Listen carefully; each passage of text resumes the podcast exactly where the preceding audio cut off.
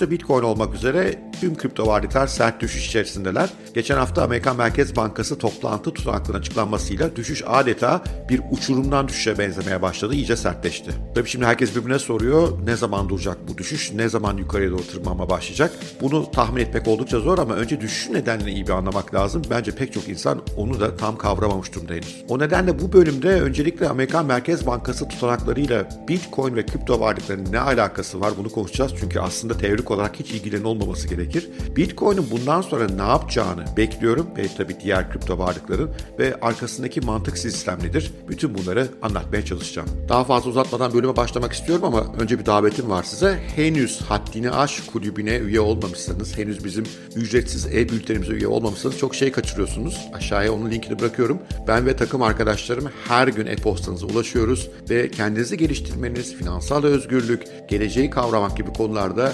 yazılar, videolar, podcast yayınlara bakıyoruz. Sadece kendi ürettiğimiz içerikleri değil, gördüğümüz, takip ettiğimiz, taradığımız başka ilginç içerikleri oradan paylaşıyoruz. Oraya bir gelin. Linki hem aşağıda hem yukarıdaki bağlantıda bulabilirsiniz.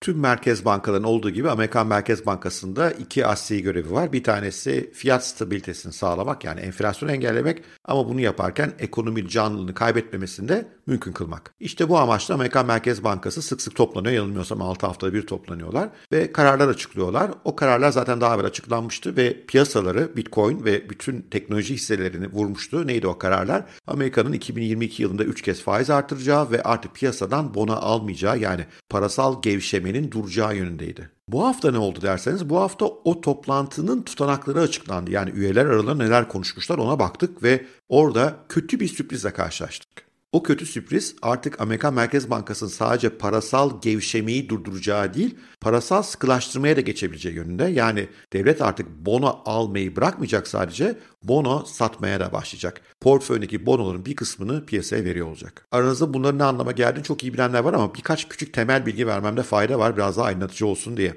Amerikan Merkez Bankası eğer elindeki bonoları satarsa Amerikan bonoların fiyatları düşmeye başlar. Bono fiyatları düştüğü zaman da bonoların getirileri artar. Bu neden böyle bana teknik olarak sormayın işleyişi böyle. Bu durumda Amerikan Merkez Bankası bonolarının sağlayacağı getiri yani faizin artması bekleniyor. Peki Amerikan devlet tahvillerinin faizin artışından bize ne? Biz kripto yatırımcısıyız. Çok ilgilendiriyor maalesef bizi. Bunlardan ilki bu devlet tahvili faizleri arttıkça Amerikan dolarının değerinde artmasını bekliyor olmamız ve tarihi olarak baktığımızda Bitcoin'e Amerikan doları değerinin ters yönde işlediğini görmemiz. Yani Amerikan dolarının değeri artarsa başta Bitcoin, kripto varlıkların değeri aşağı doğru gider. Neden Amerikan dolarının değeri artacak? E, çok basit. Amerikan devleti artık iyi faiz veriyor.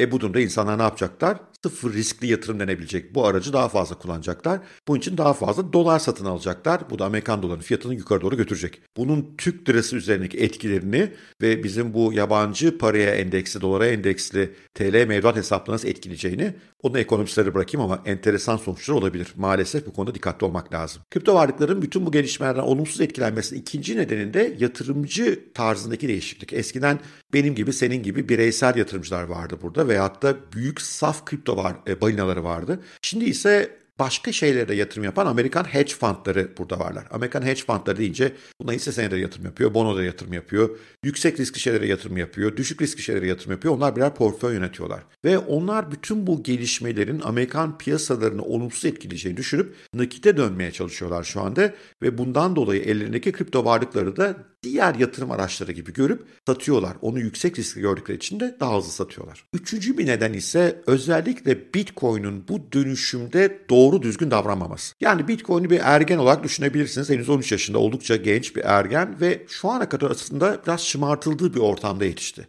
Nasıl şımartıldığı bir ortamda yetişti? Faizler hep düşüktü, bolca para vardı. Zaten unutmayın 2008'de ortaya çıkıyor. 2008'deki finansal krizden beri Amerikan Merkez Bankası sürekli para bastı piyasalara. Bu para bolluğu bu Covid sırasında iyice arttı. 8,5 trilyon doların üzerinde para var piyasalarda Amerikan doları ve bu da Bitcoin ve bütün kripto varlıklara, NFT'lere de, Decentraland'daki araziye de her yere yansıyor oldu. Çünkü para boldu. Oysa şimdi para kıtlaşıyor. Bu nedenle Bitcoin aslında bir olgunluk sınavı verecek ve şanssız bir dönemde verecek. Bunu tam ergenlikten olgunluğa geçiyordu yaş itibariyle. Uygulama bolluğu itibariyle kabul edildiği ülkelerin, işte kabul edildiği şirketlerin, ona yatırım yapan fonların büyüklüğü itibariyle tam ergenlikten olgunluğa geçerken oldukça sert koşullarla karşılaştı. Ve bu koşullardaki tepkisi biraz çocukça oldu diyebiliriz. Yani piyasalarla aynı yönde hareket ediyor. Piyasa düşünce o da düşüyor, yükselince o da yükseliyor. Bu da Bitcoin'i sadece bir finansal varlık olarak gören yani fanatik Bitcoin'cilerin dışında kalan kitleyi şöyle düşünmeye itti. Dediler ki ya bu da diğer varlıklarla aynı yönde hareket ediyor. E halde niye böyle riskli bir şey alayım?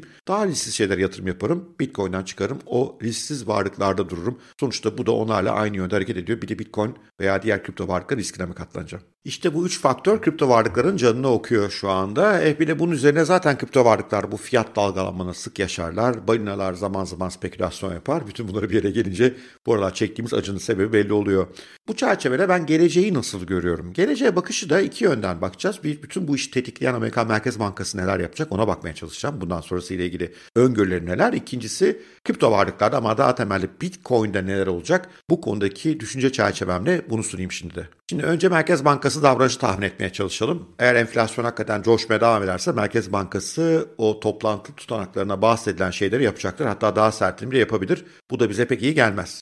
Ama enflasyon yükselmiyor olabilir. Nitekim son bazı veriler Amerika'da enflasyonun aslında yavaşladığını gösteriyor. Enflasyonun temel sebepleri neydi? Bir tedarik zincirleri kısıntılarıydı. Ondan dolayı mal kıtlığı vardı. Bir de para bolluğu vardı piyasada. Merkez Bankası'nın açıklamaları para bolluğunun sona ermekte olduğunun izlenimini hemen piyasaya verdi. Bir kere bunun tek başına lafının bile enflasyon üzerine azaltıcı etkisi yok, olacaktır. Ama daha da temelde baktığımızda mesela Amerika'da ikinci el araba satış fiyatları ilk defa düşüşe geçti uzun süre sonra. Amerikan ekonomisi büyüyor ama büyümenin büyük bölümü envanteri üretim. Tüketici talebiyle değil, markaların, firmaların bu tedarik zinciri korkusundan dolayı stoklarını büyütmelerinden geliyor. Ve maaş artışları yüksekti bu son istihdam raporunda o var. Ama eğilimin kırılmaya başladığına dair bazı bilgiler akıyor. Bu yüzden belki de enflasyon beklendiği kadar korkucu olmayacak ve Amerikan Merkez Bankası enflasyon geçiciymiş diyecek ve o sert önlemlerin en azından bir kısmından vazgeçecek. Bunun böyle olup olmayacağını tabii falcı olmak mümkün değil ama ben bu yönde olayların gelişeceğini düşünüyorum ve eğer Ocak, Şubat, Mart enflasyon verileri beklentimizden daha iyi olursa yani daha düşük olursa Amerikan Merkez Bankası'nın bu karar sertliğini bir miktar yumuşatacağını düşünüyorum. İlk beklentim o tarafta bunun Tesla gibi Nasdaq şirketleri üzerinde de etkisi olacaktır yüksek teknoloji firmaları. Onu ayrı bir bölümde ele almaya çalışırım. İkincisi ise Amerikan Merkez Bankası'nın ne yaptığından bağımsız olarak kripto dünyası ne oluyor? E kripto dünyası büyüyor. Yani çünkü sonuçta bir varlığın değerini temel belirleyecek konu o varlığın kullanım oranları. E son gelişmeler bile hep olumlu yönde. 2022 kripto varlıkların yeni kullanım alanları bulması, Bitcoin'in daha fazla yerde kullanılması açısından müthiş bir yıldı.